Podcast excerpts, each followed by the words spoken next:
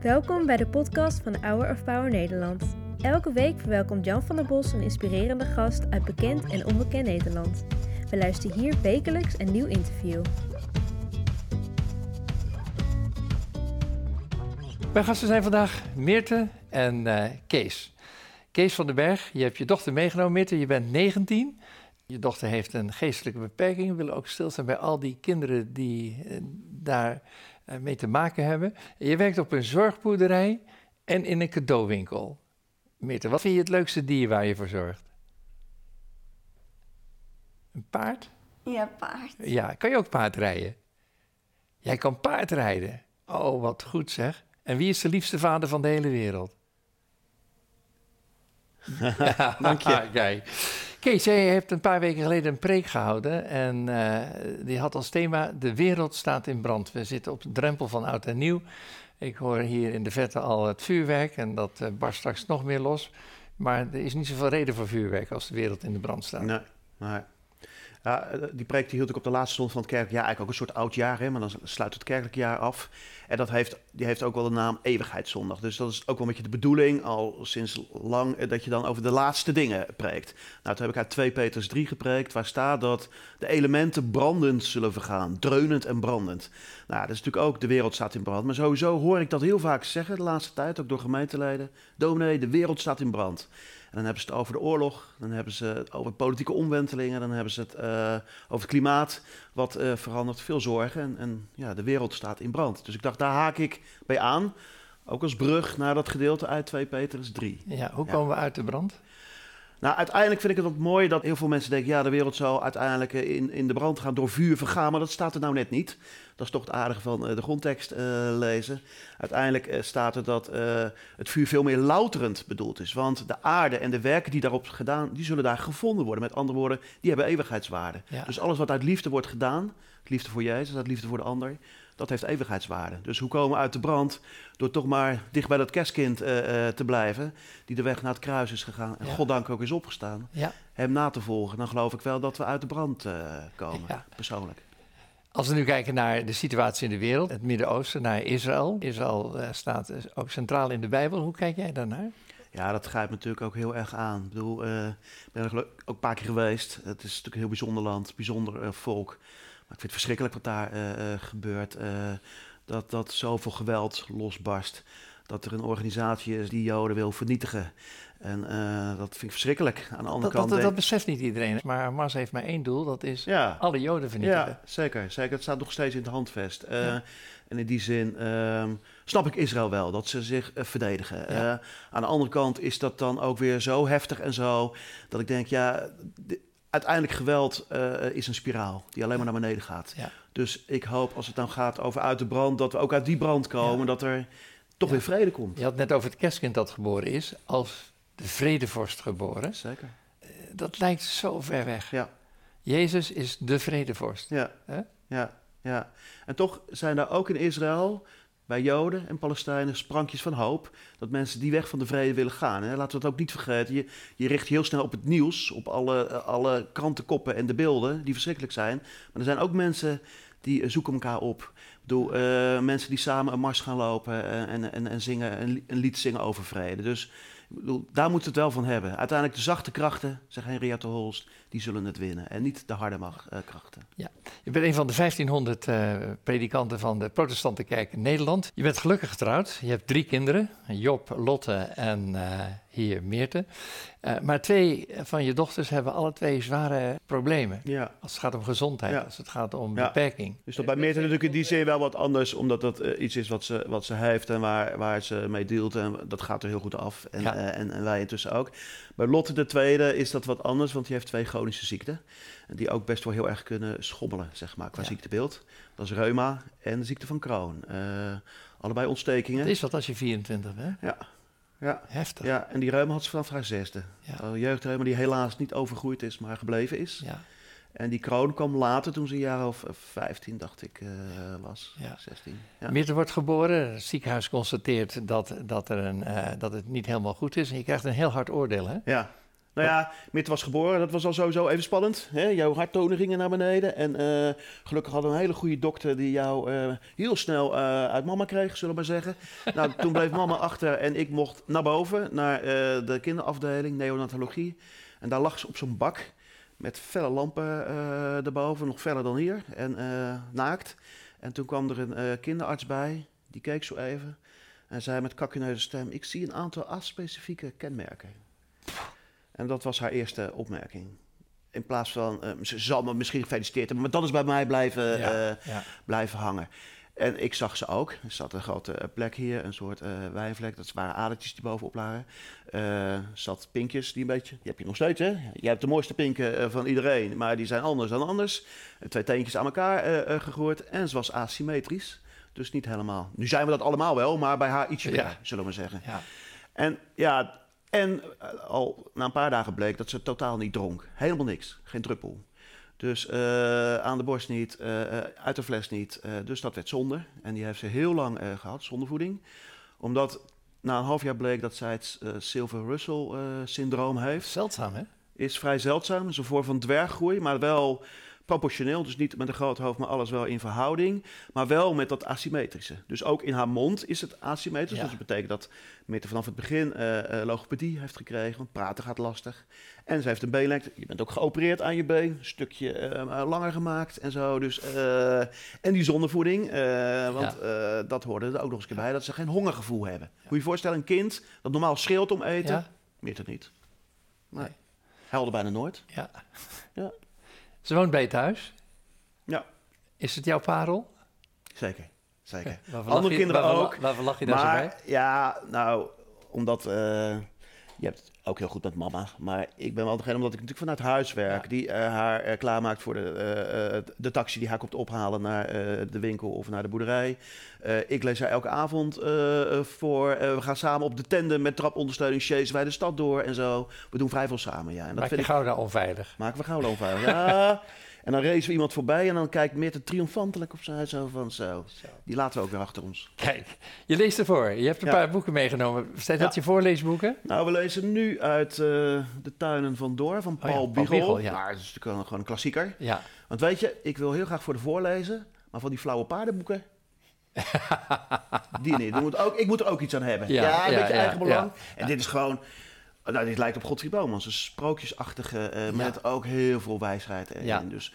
En nog eens een keer prachtig geïllustreerd door de mooiste, de beste uh, illustratrice uh, Charlotte Demantons. Ja. Dus nou, gewoon genieten. Kan papa goed voorlezen, Meerte? Ja. Hoe lang leest hij voor? Een uur of twee uur? nee, een kwartiertje. Ja. ja een keertje. Ja. ja. Jij bent ook geïnspireerd door dit boek. Zeker. Want dat heeft parallellen met ja. Henry Nouwen.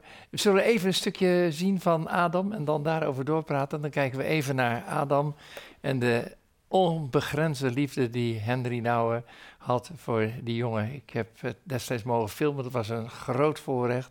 En uh, die beroemde schrijver die zoveel liefde toonde voor iemand die niet kon praten, die geen liefde kon geven. Dat leek althans zo. Kijk even naar Adam en Henry Nouwen. En een andere dingen die mij geweldig geboeid hebben. Met, ik heb ontzettend veel met Adam opgetrokken. En ik, ik ben gewoon van hem gaan houden op een hele intieme manier. En ik heb gemerkt dat Adam even volledig mens is als ik ben. Dat, dat wat een mens een mens maakt is primair het vermogen om liefde te geven en te ontvangen. En langzaam maar zeker, als ik hem voor, ging, voor hem ging zorgen... als ik s morgens uit het bed haalde en een bad gaf en een ontbijt gaf en, en, en heel intiem met hem mocht omgaan, heb ik ontdekt dat, dat Adam en ik een band met elkaar hadden. Die, die, die niet een psychologische band was van we kennen elkaar en kunnen met elkaar praten, maar een diepe spirituele band van samen zijn op een hele intieme manier.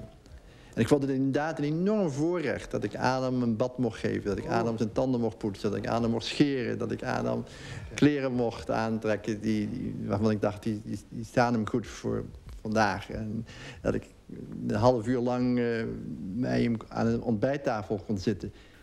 Mooi is dat zo'n begaafd iemand als Henry Nouwen, intellectueel, ook pastoraal, weet ik het allemaal, uh, dat, dat die zegt, ik heb meer geleerd van Adam dan Adam van mij. Want wat heb ik geleerd van Adam, is dat het uiteindelijk gaat om zijn. en niet om hebben. Ik denk dat is, dat is ook weer zo'n spiegel. mooi, hè? Ja, in deze maatschappij natuurlijk hebben. Hè? Ja. Eh, goede carrière, weet ik veel. Allemaal willen we omhoog.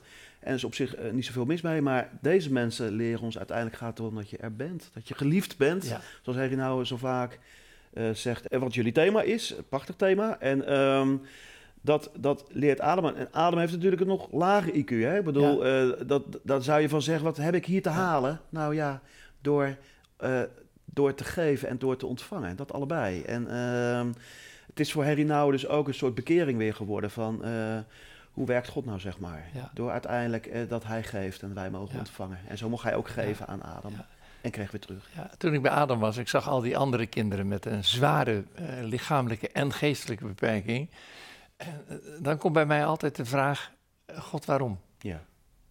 Kan ik me voorstellen. En weet je, eh Mit is gewoon een hele vrolijke eh, meid. En ehm, die eh, heeft zich op haar manier ook ontwikkeld en zo. En, maar Adam en die kinderen die jij daar hebt gezien, dat is ook nog een ander verhaal. Ja. Nu ken ik zulke kinderen ook, zulke mensen ook. Ja. Ook in onze omgeving. En wat ik net eigenlijk al zei, van, het is niet van het een, daar groei je in mee. Ik heb veel ouders ook gezien dat, dat ze daar zo belangeloos en onvoorwaardelijk voor zorgen, heeft hun leven toch verrijkt. Ik ga het niet idealiseren, want er zit ook een andere Ja. kant aan. Dat op een gegeven moment alles ook draait om dat kind. Daar Ja. moet je bij uitkijken. Hè? Je hebt ook twee andere kinderen. Maar ehm, dat, dat het je ook leert van, eh, dat er meer is dan dat, dat dingen alleen maar iets moeten opleveren of zo. Van dat, dat, dat door te geven. En dat denk ik dat God ons deze mensen daarom ook heeft gegeven. Van, ehm, ook met de barsten en, en de raadsels eh, eh, daarin. Ik bedoel, ehm, het koninkrijk in zijn volmaaktheid is hier niet. En daar hebben we mee te dealen. En dat leren deze mensen ons ook. Ja. Mirte, jij gaat belijdenis doen, hè?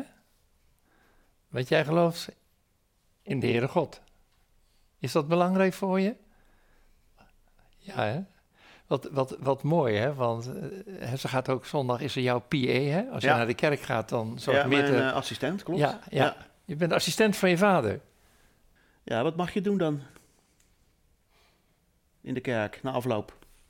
Bijvoorbeeld. Meester die bord uh, opruimen, die letters uh, druk doen in de tabak. Het liedbord. Dus de Oh, ja. cijfers en de letters mag zij. En dat kan ze heel goed, ze is super secuur, eh, weer terug doen Ja. in de bak. Ja. En de kosters, als Mitte er niet is, Ja. zijn gewoon teleurgesteld. Ja. Want eh, de assistent is er niet. Je staat in die prachtige Pauluskerk in Gouda op de kansel. Wat zie jij in het evangelie? Wat zie jij in God? Wat zie jij in Jezus? Heel veel. Eh, daar raak je niet op uitgekeken. Ehm, als het over kerst gaat, zie ik dat God zo klein wordt. Dat hij uiteindelijk naar beneden komt. Dat vind ik ook het unieke van het eh, christelijk geloof. Wij hoeven niet omhoog naar hem toe. Hij komt naar ons toe. En dan ook nog eens een keer in, in, in Bethlehem. Dan ook nog eens een keer in een kribbe. In een voerbak. Het is gewoon een voerbak. Zo, zo zeer vernedert hij zich. En dan gaat hij ook nog de weg naar het kruis. Onder de planken van het wereldtoneel, zei Noordmans ooit. Dus waar wij op spelen, gaat hij nog eens een keer onder. Zo vangt hij ons op. Ja, dat vind ik al geweldig, die genade. Goed begin van het nieuwe jaar als je je daaraan vast kunt houden, toch? Zeker. Wat kun jij eh, op de drempel van het nieuwe jaar als troost meegeven? Want hoe moeten we nou het nieuwe jaar in? Ja. Nou weet je, die onzekerheid ken ik natuurlijk zelf ook. Hè? Ik bedoel, ik vind dat je als, als dominee, maar ook als kerk... een beetje moet uitkijken dat wij zo in die zin... Zo zelf, die zekerheid wordt ons geschonken. Elke Ja. keer weer. Dus die heb je ook niet in je Ja. broekzak. Dat is voor mij ook een reden om naar de kerk te gaan. Om dat elke keer te horen. Om de Bijbel te lezen. Het met elkaar over te hebben. Te bidden. Ja. Dus ik zou zeggen, mensen, eh, die middelen zijn er. Pak ze en eh, ga het niet proberen in je eentje uit te vogelen, want dat is gewoon best een heel lastige klus. We hebben het over Meerte gehad en ook over andere kinderen met een beperking. Er zijn er heel veel in Nederland. Je bent een ervaringsdeskundige. Wat wil je meegeven? Nou, onze tweede dochter Lotte heeft ook eh, in, in haar eh, studie, de studeert geneeskunde, hier ook onderzoek naar gedaan. Hoe ga je nou om met, met, met ook beperking, ook in het prenatale onderzoek? Ja. hè? Want dat is natuurlijk wel een item. Van, eh, je ziet steeds meer in onze maatschappij van, dat eigenlijk zulke kinderen vooral lastig zijn. Ze Ja. kosten veel, ze vragen veel, ze staan ook heel veel dingen bij ouders in de weg qua carri- carrière. Maar Lotte heeft zulke kinderen zelf ook geïnterviewd, bijvoorbeeld kinderen met Down. En die vinden dat bijvoorbeeld heel lastig, dat ze dan eigenlijk vanuit de maatschappij merken van, ik ben niet zo gewenst, zeg maar.